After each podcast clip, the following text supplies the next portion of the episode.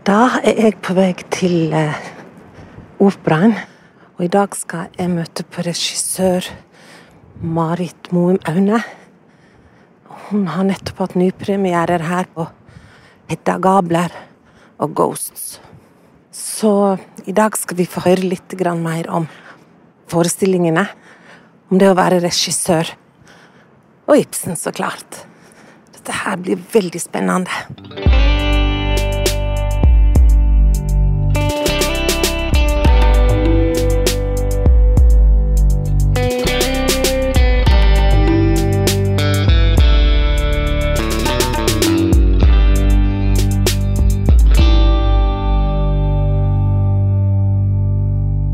Først må jeg få gratulere med fantastiske nypremierer. Takk. Må nesten gråte litt igjen når jeg snakker om det, for det var sterke saker, altså. Ja. Jeg syns jo det at eh, disse to stykken, altså alle stykken til Ibsen er jo veldig sånn teksttunge. Mm. Det er jo teksten, og det, og det er sitatene til Ibsen og sånne ting. Og så setter du opp gjengangere og Hedda Gabler, og det blir ikke sagt et ord. Jo, det blir sagt nei. Det blir sagt 'mamma'. Ja. Eneste replikken. Ja. Nei og mamma. Nei og mamma. Det er det som står igjen. Og det er jo ikke de mest kjente sitatene fra Ibsen. Men Hvordan, hvordan går du inn når du skal jobbe det Jeg er veldig nysgjerrig på dette. Hvordan går du inn og jobber da? Du vet at Ibsen er jo sitat og ord, og sånn, men for meg er Ibsen først og fremst situasjoner mellom folk. Følelsene kommer av seg sjøl fra skuespillerne. Vi jobber med situasjon. Og ofte folk i Ibsen satt i var ganske vanskelige og mulige situasjoner. I knuter som må løses eller knyttes hardere. Og jeg bruker å si i hvert fall om de stykkene her, Hedda Gabler og Ghost, at egentlig, når stykket starter, så er det for seint. Allerede. Så jeg har sagt at eh, jeg mener, jeg mener på et vis at eh, Ibsen advarer oss da, mot å komme i den situasjonen. Ja. Og det er jo den situasjonen som handler om at løgner og fortielser og forestillinger har bygd seg på noen svære murer rundt folk. da. Mm. Så når det begynner å sprekke den muren, så Og at han da selvfølgelig da hele tida gjør det retrospektive. At han, han sier det lader seg på et menneske i den historien du har, og så i løpet av veldig kort tid, i løpet av gjerne i stykkene hans, de realistiske stykkene, 24 timer eller 48 timer eller et døgn eller en natt, så kollapser det. Og både Hedda Gabler og gjengangere er jo tragedier. Klassisk tragedie som ender med at noen dør. ja Osvald dør. Ja, han gjør jo det. Vi skjønner jo at det er det han gjør, og det gjør også Hedda. Så det er altså en klassisk tragedie som utspiller seg på en veldig kort tidsrom. Og det er store fall, store forventninger til at nå skal ting bli bedre, og så blir det ikke det. Så vi er rett og slett tilbake til Aristoteles. Vi bygger veldig, veldig, Ja. veldig på den klassiske ideen om tragedien Ja. som en renselse, og som skaper større forståelse på hvordan det er å være menneske. Ja. Så kan du løse Ibsen politisk, og alt, men han er jo alt. Men eh, det som da har vært viktig for oss, det er at i dansen så er du egentlig nesten bare i underteksten.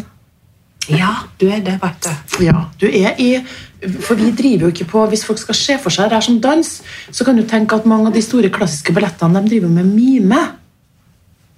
De mimer følelser. Du er forlovet, og peker dem på ringefingeren, eller nå er jeg sint på deg, sånn, men det, vi prøver å unngå det. da. Vi prøver å skape emosjonelle situasjoner. Så når det er snakk om at brakk hos Hedda Gabler, helt på slutten, når Martin inn i hjørnet, og det forårsaker at Eilert Løvborg skyter seg og det er én som vet at det er hennes pistol. Det er en, det er det kriminalsida hos Ibsen. ikke sant? Og han fyren sier det at men jeg har jo noe på deg nå. Det er alltid noen som har noe på noen i de Ibsen-stykkene, så det tok hjem. ikke sant? Så, så dette kan jeg utnytte. Du har drevet og leka med meg. Nå skal det lekes tilbake her. Og vi skjønner at det er seksuelt, at han skal komme hver eneste dag og på et vis ha fri tilgang til hun. Og det kan jo ikke vi stå og si på scenen her. Så da må vi spille den seksualiteten som kommer til å utfolde seg som er det hun kommer til å oppleve, nemlig voldtekten, kanskje. Da Da gjør vi den på scenen. Vi gjør veldig konkrete verks i forhold til hva de faktisk snakker og lover hverandre. Ja, for det tenkte jeg når jeg gikk ut, for nå var jeg så heldig og fikk se Hedda Gabler på lørdag og Ghost på søndag. Og jeg, jeg følte at disse stykkene ble nesten enda sterkere, for de ble så kroppslige. Ja. ikke sant? Når du har tekst så er jo det litt avstand, og du kan Men når det ble så kroppslig, så ble det jo fryktelig vondt, da. Jeg har vært kjemperedd hele tiden. Vi har gjort det her. Er det for stort? Er det for mye? Vi har opplevd at nei, vi er nødt til å gå trygt. Fordi at kroppslige reaksjoner i et menneskes følelsesliv er jo så sterk. Så vi gjør det folk føler i kroppen sin. Når angsten kommer, eller man blir lei seg, eller man føler seg alene. Alle de der store følelsene som ofte er veldig fysisk. Når vi føler dem. Her omsetter vi det til rett og slett til dans. Det høres jo snålt ut hvis man ikke har sett det. Ja, men alle burde gå og se det. Ja, Vi har vært rundt omkring med det her på tre, tre forskjellige verdensdeler, faktisk. Ja, du, Det må du fortelle litt mer om, for jeg har sett at Hedda Gabler har jo vært På Bolsjoj. Ja! Du, si noe om det, da. Det, Det er jo er jo, det er jo liksom Jerusalem Ja. eller Mekka for, for balletten. da. Det er jo den klassiske ballettens liksom hellige gral, på et eller annet vis. Og det er jo også for russerne. Bolsjoj er både politisk og samfunnsmessig en institusjon som har en slags opphøya Det er en blanding av politikk og sport og, og, og kunst og alt i ett sted. Jeg skjønte vel ikke hva for en betydningsfullt her sted for dansere, i og med at jeg selv ikke danser, med mindre jeg fulgte med på de danserne som jeg hadde med meg over til Bolsjoj. Det var, slo ut noen syke nerver. Men det er også for at de har et veldig veldig heftig publikum. Et veldig publikum som stiller ekstreme krav. Jeg har vært en gang på Bolsjoj hvor de ikke valgte ikke klapp.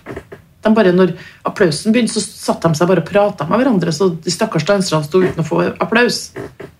Så jeg opplevde dem som veldig harde, det publikummet. veldig krav, krevende. Så det var jo veldig deilig å se at det var, vi ble tatt imot så veldig heftig av publikum. da. Ja, for Det var jo på Dagsrevyen, dette her. da. Jeg satt jo og fulgte med. Ja. Og det var jo helt fantastiske tilbakemeldinger fra publikum Ja, når de kom spesielt. ut. da. Det var en veldig spesiell opplevelse, faktisk. Jeg må innrømme det. Og så ble dere nominert til pris. Eller du Ja, jeg har blitt nominert. nominert til pris for Ghost, ja, for den måten historiefortellinga. Den store Benoit de la Danse-prisen, som jeg da ikke fikk. Men jeg fikk sitte på hovedscenen på Bolshoi sånn, på en sånn glassstol og være nominert. Og det tenkte jeg lenger hadde ikke jeg trodd jeg skulle komme i dans, for jeg har jo egentlig ikke noen dansebakgrunn. Du har aldri dansa sjøl? Nei, eller dansa noe annet enn eh, på ungdomsklubben på Risvollan i Trondheim. Der danser jeg. Der la du et godt grunnlag der. jeg har noe ballroom-erfaring, vil jeg si. En veldig kort karriere ballroom.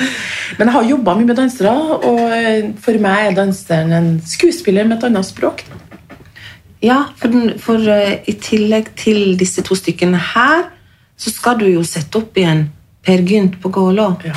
Andre året midt på Gålå nå. Ja, jeg fikk ikke sett i fjor, men i år så skal jeg. Jeg må, jeg må Fantastisk samarbeid med Snøhetta og med hele lokalbefolkninga oppe i Vinstra-området der. Et møte mellom liksom markant store kulturpersonligheter og befolkninga i Innlandet. Jeg syns det er sånn vi skal drive på. jeg. Eh, Jeg tror I et sånt land som Norge, vi er litt over fem millioner mennesker, så er det utrolig viktig at vi møter hverandre. Ja, Men er ikke det litt som ja takk, begge deler? Litt Jo. den opplevelsen vi får med Hedda og Ja. Ghost her, og så Gålå så Det er akkurat det, for vi hadde ikke kunnet gjort det på Gålå hvis vi ikke hadde en toppinstitusjon som det her, eller instruktører som jeg fikk lov å jobbe med så mye flinke folk, og ta med oss den ressursen da ut, og jobbe med andre mennesker. Jeg tror vi skal, jeg synes det er privilegert som får lov å kommunisere, dra innover i Norge til Innlandet med de her samme danserne, og jobbe med amatører her, og dra til utlandet. Så det, det at man, vi, vi skal ha den bevegelsen med å gå begge veier da. Men det vil jeg frem til at du har jo tatt med deg en danser og i Per Gynt. To To, dansere. to dansere. Både Grete Sofie, som, som er Hedda sjøl, og Silas Henriksen, som er både Eilert Løvborg og Osvald i Gjengangere. Ja. Og det er jo to eminente dansere som, som det er utrolig deilig å se i friluft ved Gålåvannet. Ja, De danser på vannet. Eh, Det, det, det har vært et skikkelig privilegium. Og det der, der som jeg prøver å oppnå på, med Per Gynt, da, for dem som er interessert i Per Gynt, da, det er jo hvordan, denne, hvordan den her storslåtte naturen for noen kan være vakker, og for andre kan være et grusomt sted. Hvordan skjønnheten og det stygge står opp imot hverandre. Mm. Så det som kan være vakkert for noen, kan være en sump for andre. Ja. Han beskriver det som leire. Jeg står i- leire til knes, liksom, i dritt. Mens for andre så er det her gåla, liksom. Fantastisk. Men hvis du har, hvis du har en retrettmulighet ikke sant? Jeg tror det har noe med det å gjøre. Det har noe med det å gjøre at Jeg har en bil som står og venter og skal ta meg vekk. Ja, men du kan si det som var spesielt når du tenker på å skrive Per Gynt. da. Vi må tenke på når han skrev det. Han skriver Per Gynt under en av de største utvandrerbølgene Norge har hatt. Vi har en stor utvandrerbølge i 1860-åra og i 1880-åra. 1860-åra den første store muligheten for å komme seg unna dritten. Og hvem reiser? Fattigfolk. Folk som er på sida av samfunnet. Eh, håndverkere, drømmere. Og så skriver han altså det her drømmen om den her som slipper unna. Eller tror han kan slippe unna. Ja. Og flykte fra seg sjøl. Det er mange, det er mange sider ved Per Gynt. Og vi har jo laga noen episoder nå her i eh, Ibsens salong. Og vi, og vi kan snakke om biografier, og vi kan snakke om det nye Ibsen-museet. og vi, kan, vi har hatt mange temaer. Men det som alltid kommer opp, er Per Gynt. Jeg har hørt gjennom hver bidige episode, og, og det blir omtrent Per Gynt i hver Det er veldig episode. rart det med Per Gynt, for jeg ble spurt om å sette opp Per Gynt. Jeg ble to ganger tidligere i karrieren. Jeg har sagt nei hver gang, for jeg har ikke skjønt noe av det teaterstykket. Jeg måtte bli så gammel da, før jeg begynte å sette pris på det teaterstykket. Jeg syns jo på mange måter at de realistiske stykkene hans har vært mye mer besnærende. Altså, De har truffet meg mye mer direkte rett i kjøttet, liksom. Men jeg tror at man etter hvert så har jeg forstått det derre store delen av meg som ikke går gjennom den bøygen. Altså. Som ikke tar tak i de tingene, sier det sånn som den. Unnfallenheten. Hvordan det sitter sånn i oss alle sammen, hvor viktig det budskapet er. da. At noen ganger så må du gå gjennom den bøygen. Ta den samtalen. Stå i det. Steik ditt eget fett, som jeg bruker å stå og si til danserne når de føler seg dum. Stå i denne grusomme situasjonen. Vær i den.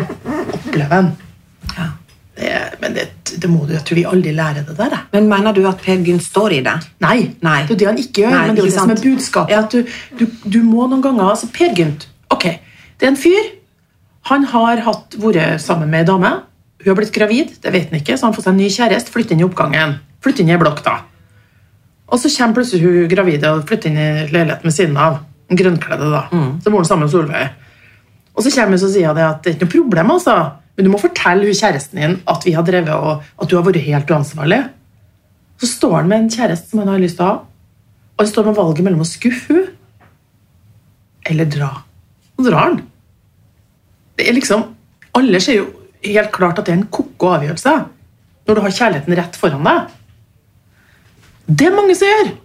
I stedet for, å, for du tåler ikke å påføre andre en skuffelse eller risikere å bli avvist. Nei. Så han skriver jo sånne utrolige scener som er så lett å kjenne seg igjen i. da. Ja, for jeg, det har jeg sagt flere ganger, at jeg, jeg opplever at Ibsen skriver om frihet, valg og ansvar. Ja. Men han skriver ikke om hva frihet er. Nei. Han skriver om hva, Spesielt i Hedda Gabler, tenker jeg. Der, han, der skriver han virkelig om hva frihet ikke er, tenker jeg da.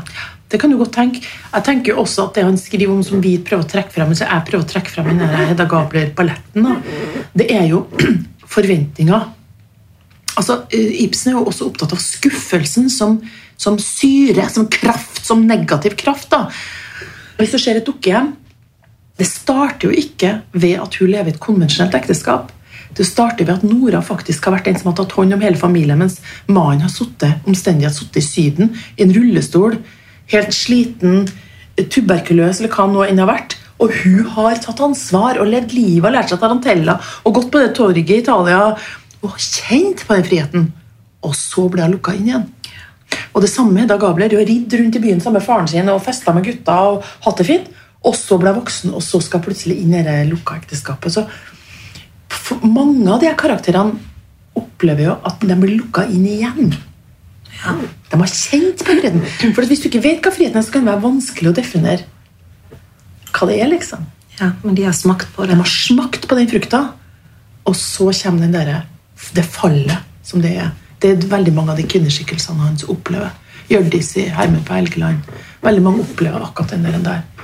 Hvordan voksenlivet tvinger dem til å oppgi muligheten til å puste. Og det jeg synes er veldig interessant med Hedda Gabler, er at det stykket heter Hedda Gabler. For hun heter jo ikke det lenger. Hun heter jo Hedda Tessmann. Hun er jo gift og Ja. Men du vet at hun, hun velger jo Det som vi syns har vært interessant å forske i når vi har holdt med Hedda Gabler, det er jo hvordan hun ikke greier det, det seksuelle med det å være dame. Det, det å rett og slett bli trengt inn i, eller, eller bli dominert. Altså Det ligger så veldig kraftig ja. Og når, når Eilert Løvborg, som er en kamerat Mange sier at han er kjæresten hennes. Det er ikke helt sikkert. De har jo jobba sammen med, med, med mye interessante ting og fylt hverandres liv med mye interessant og gjenbyrdighet. Det han vil ligge med henne. Da kommer jo pistolen. Så at det at hun i hele tatt blir definert inn i og det mange, tenker jo mange har jo sagt at jeg er lesbisk. Er det det, er det det at jeg rett og slett ikke ville inn i det fysiske med en mann, f.eks.? Så det er jo lag på lag som man kan leite her uh, i Hedda Gabler. Og vi har ikke tenkt å gi noe svar på det. Nei, men det er jo i god Ibsen-ånd. Det jeg spørger kun mitt kaller jeg at svaret. Absolutt. Og det er vel det som er spennende med Ibsen, at Ja. ikke du får, eh, Absolutt. ikke forsvare. Hva skjedde med Nora? Og, og ja, det er mye å tenke på.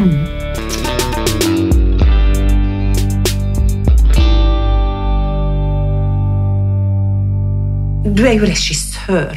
Ja. Ser du på deg som utøvende, eller er du Altså, hvordan, hvordan ser du på den regissørrollen?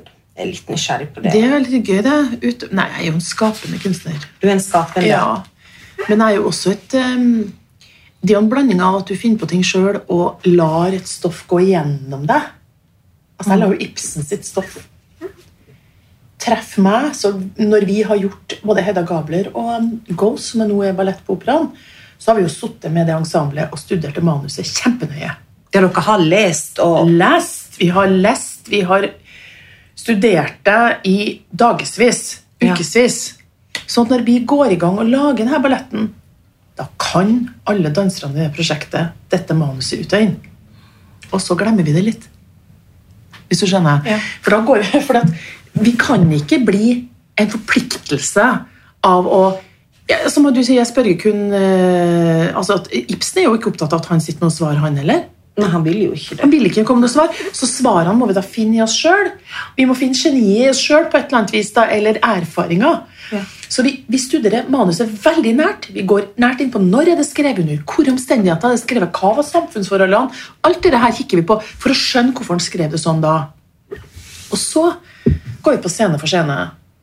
Og noe av det er laga med faste planer for hvordan det skal skje ut. F.eks. Hedda Gabler så starter det jo med vel- hvordan vi ser den unge Hedda Gabler styre masse menn. Det er en sånn veldig klar regiidé som jeg har hatt.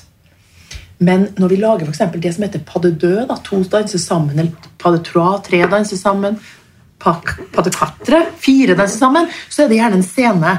Oi, husker dere den scenen? Nå setter jeg på noe musikk. Kan dere nå improvisere rundt den scenen? Og så kanskje danser de i 20 minutter. Og så har vi det på tape. Vi har tatt video av det. Og så begynner vi å kikke, så sier vi det løftet der, det var fint. Så sitter vi og plukker som en sånn, som om vi kan plukke ut godbitene fra den improvisasjonen, og så setter vi det sammen.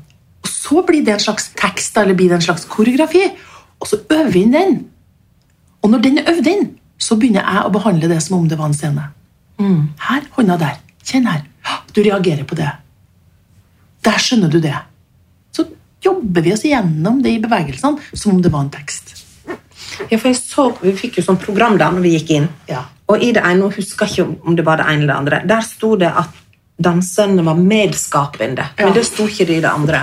Nei, og det er litt sånn, det er litt semantikk, det er litt sånn avhengig av hva det Men du kan si det at det hadde trengt å stått at det var medskapende, og det burde ha stått at det var medskapende. De er sånn som skuespillere er på teater i dag. De fleste regissører i dag jobber med at skuespillerne improviserer, leker seg med scenen. Okay. Det gjør man også veldig ofte i moderne ballett. Det annerledes vi har gjort her, at vi går på hovedscenen på operaen og gjør det i en historiefortellende ballett. Så for meg er det liksom helt naturlig at danserne er medskapende. Men det er jo jeg som sitter, og mine med Jeg har jo med meg en koreograf, Kalion Bodajev, som gjør de store numrene i Hedda Gabler. Så jeg har jobba med Kina Espejord og laga Ghost. Så jeg har jo hatt med meg dansefaglige mennesker og ballettmestere og sånn. Men jeg sitter jo til syvende og sist og på et vis setter sammen det her som forestilling. Og da velger man jo ut. Veldig tydelig. Man setter jo en slags premiss som regissør. Ja. Og ikke minst en lesemåte. Hva er det viktigste å fortelle i den aktuelle forestillinga?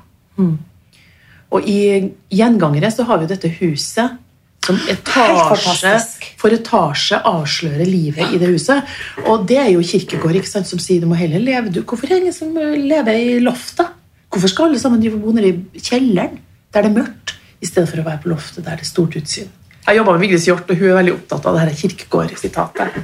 Men det er jo mørkt på loftet til Ibsen nå, da. Mørkeloft. Det kan, du, det kan du trygt si, men i det huset som er din egen Ja. kropp, da, Ja. så er det liksom Så, så vi avslører da etasje for etasje, og til slutt så er vi i kjelleren. Og der kommer det reiret frem, det er hjemmet, det er stedet, det stedet for de hendelsene som er gravd skikkelig langt, nemlig farens misbruk av sønnen sin. Ja. Ja, for du nevnte scenografi, og du nevnte musikk. Det, Nils Petter Molvær. Nils Petter Molvær. Utropstegn. Altså Nils Petter Molvær er one of a kind. Og vi merker når vi har jo reist Vi har vært i, ja, vi har vært i Moskva, vi har vært i uh, Shanghai, vi har vært i Houston, vi har vært rundt omkring i verden. Berlin, Hongkong, Wien. Det sitter jo alltid publikummere som kommer dit bare for å høre han spille. Vi må jo innrømme det. Han har jo et publikum hele verden. Ja. Men så får de noe mer også når de går ut. ja, ja, jeg tror nok de aksepterer at det danses litt på toppen, men han står med trompeten sin da, og har jo laga hele det svære musikkbildet. Eh, veldig gøy, altså. Hvordan jobber dere fram den musikken, da? Jeg tror at han river seg i håret når jeg kommer med noen sånne stikkord, og så går han opp i et studio oppe i Frysja, og så setter han seg Men veldig mye så er han jo på å prøve å kikke på hva vi gjør. Og så er det sånn at vi gjerne lager koreografi på annen musikk. Og så ser han koreografien, og så lager han musikken etterpå. Så noen ganger kommer musikken etter dansen. Ofte kommer den etter at vi har laga dansen. Ja. Så det er veldig forskjellige prosesser. Um, han er jo veldig opptatt av tekst, av følelser, uh, lidenskap. um, uh, så, så han går veldig inn i stoffet, han òg, og kjenner stoffet veldig godt. Det er jo som en slags filmmusikk noen ganger. Ja, Det var bare så nydelig, altså. Hele konseptet. Ja, men det er For å hyggelig at si du det. likte det. Konsept. Likte det, ja. Men jeg har vært og sett noe annet av deg. Har du det? Ja. Uff. Hva har det Nei, vært? det var den største opplevelsen det året. Det var eh, Engler i Amerika. Oh. Og det eneste, musikk Nils Petter Molvær. Også der. og det eneste jeg syntes var dumt med det stykket, var at det slutta så fort. Da hadde du bare sittet her i åtte og en halv time. Jeg ville sitte der lenger. Det er jo noe med, altså, som vi tenker på det stykket konser med folk. da. Det er det man er nødt til å gjøre. Ja, for vi må, vi må kunne skape kunst på en slags elitær måte, som vi gjør her, men samtidig at vi ikke holder oss for gode for publikum. Publikum sitter jo der med livene sine, liksom. Og jeg sier alltid når vi skal ta applaus, så sa jeg til ensemblet sist Husk på den applausen ikke for at de sitter og takker dere, det er for at dere dere booker. Det er for at dere takker dem for at de har sittet der og delt.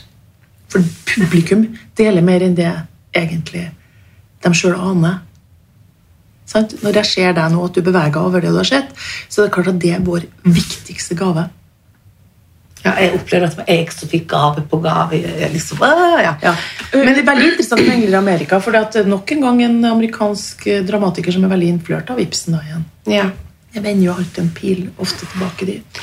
Ja, men Det jeg syns var det sterkeste med Engler i Amerika, faktisk, det var det at jeg hadde sittet der en liten stund, og så tenkte jeg Dette her er jo et, en gjeng. Dette her, altså Jeg fikk en opplevelse av at de skuespillerne de var bare knadd så sammen, så hvis én gjorde et eller annet, så ville alle andre skjønne. Ja. altså På en mye sterkere måte enn ellers. Jeg vet jo at ensemble og skuespillere jobber sammen, men jeg fikk bare sånn en utrolig sterk følelse ganske fort på at dette her ensemblet her, denne gruppa med mennesker som står der framme og lager kunst Ja, De redder hverandre. Ja, og, ja, og at disse her har jobba ganske mye i forkant. Jeg mener jo at publikum vil merke om det kollektivet funker. Og i det kollektivet så ligger det en stor humanisme. Uansett hvordan historie du har tenkt å fortelle oppå på scenen her. I mine produksjoner så bruker vi sjukt mye tid på å trene som ensemble. Ja, men da skjønner jeg. Vi trener fysisk, vi gjør sensitivitetstrening, vi, vi, vi trener improvisasjon. Nå holder jeg på å gjøre Høstsonaten Bergman i Trondheim. Vi har trent i fire uker, vi. Bare på samhandling. Og så kan vi lage stykket. Samme her med danserne. Står og gjør klassiske teatertreningsøvelser. Og jeg tror det er utrolig viktig i dag da, at folk kan kjenne at det kollektivet eksisterer, folkens. Det kollektivet der. Det er det vi bygger, liksom. Det er landsbyen. Ja, jeg merka det- det veldig sterkt, i Ja. hvert fall. Jeg er veldig glad du merka det, for at eh, det var helt reelt at hvis du da går på jobb som skuespiller og skal stå i 8,5 timer, og du får 39-40 feber, så er du avhengig av kollegaen din. Eller, eh, hele, så Det ene ene sida, men det andre er rett og slett at det, jeg syns det, selv det er interessant det skjer når jeg skjønner at ensemble ikke kjører solo. Ja. Nå, nå er det jo Per Gynt, da. Men ser du for deg at det vil komme flere balletter med Ibsen? Ja, Ja. det ser jeg for meg. Har du er- tenkt noe stykke? eller har du Nei, Jeg driver og tenker litt på det, og har jo blitt eh, sånn off the record nå. Spurt om jeg kanskje kunne tenke meg å lage en til. Vi skal jo virkelig tenke om det er lurt, for man skal jo gi seg når det er smart. Men det er jo veldig naturlig å tenke en trilogi. Og det er jo veldig mye materiale å ta av. Og en veldig interesse ut. For dem som da har hatt Ghost på besøk i utlandet nå, de vil ha Hedda Gabler. Og de som har hatt Hedda Gabler, ønsker at Ghost skal komme på turné til i internasjonal turné. Så vi ser jo et slags uh, interesse for den måten vi har laga det her på, da. Men når du sier trilogi, føler du at Gjenganger og Hedda Gabler henger sammen? på Absolutt. et vis? Absolutt. Ja. Det er jo fordi at de tilhører en epoke av hans forfatterskap. Men uh, kanskje man skal gjøre noe helt annet av uh, Ibsen? Og Crazy? Apropos crazy. Hermen på Helgeland Ja, som har vært på Nasjonal... Jeg rakk ikke å se det på Nationaltheatret. Og det stykket har et forhold til, jeg har satt opp det sjøl en gang, og jeg vet at det var en helt suveren forestilling. Men, men, men, og spennende forestilling, men jeg fikk ikke sett det, dessverre. Jeg, jeg elsker jo Hermen fra Helgeland som stykke. Jeg syns det er smart. Jeg har sett det tre ganger. Det er helt fantastisk. Jeg, kan ikke, jeg skjønner ikke hvorfor ingen har laga en film ut av det. Det er jo Ja. verdens flotteste vikingfilm. Du, vet du hva? Jeg er så glad for at du fant liten, en liten time som vi kunne snakke sammen. Ja, det, det var veldig spennende. Jeg hørte den nye kulturministeren på morgennyhetene uh, i dag. Og noe av det første han trekker frem, det er den totale følelsen av å ikke skjønne en dritt på ungdomsskolen av å jobbe med et Ibsen-stykke. Og hvordan han senere opplever å se et Ibsen-stykke som voksen hvor det bare treffer en midt i magen. Og jeg tenker liksom hvordan kan vi greie å skape den brua der? og hvordan Vi greie å få... Vi hadde, oss, vi hadde en gjeng, det var en stor gjeng som altså Hedda Gabler på fredag på generalprøven fra Kuben og fra Bjerke, de to skolene. Skoler med veldig mange ungdommer som har kommet for veldig kort tid siden til Norge også, og mange som har vokst opp her. Og det var en sjuk, fantastisk opplevelse hvordan Hedda Gabler kommuniserer med folk. Med 17-åringer. Eh, men hvordan skal vi unngå at de her skrekkopplevelsene på skolen får satt seg? For det er utrolig mange som sier at de opplever det når de da, hvis de da dumper til, og som Abid Raja gjorde, dumpa til fordi at han jobba på en ambassade, så endte han opp med å skje noe Ibsen-greier. Som voksen også skjønner han at det her er jo livet mitt. Det må være en oppgave. Der må vi jobbe sammen, for vi har veldig mange videregående som kommer på Ibsen-museet. Ja. Og det er altså så mye flotte samtaler vi får, og spørsmål, og de ringer til oss etterpå. Ja. Så når de da har vært hos oss, så går de kanskje på Nasjonal eller et eller annet annet sted og ser et uh, Ibsen-stykke. Men nå får vi jo snart scene hos oss, så nå kan de gå rundt i leiligheten til Ibsen, og så kan de gå ned og sette seg og se teater, og da kanskje vi må samarbeide litt en gang, Marit. Det må vi gjøre. Vi får gjøre det, vi tar det som en avtale. Ellers så får vi ta den fruen fra havet satt opp i London, og så får vi spille Ja. engelsk og norsk på det nye Ibsen-museet. Det hadde vært gøy. Det hadde vært gøy. Deal. Deal. Avtale. Flott. Tusen takk, Marit. Lykke til.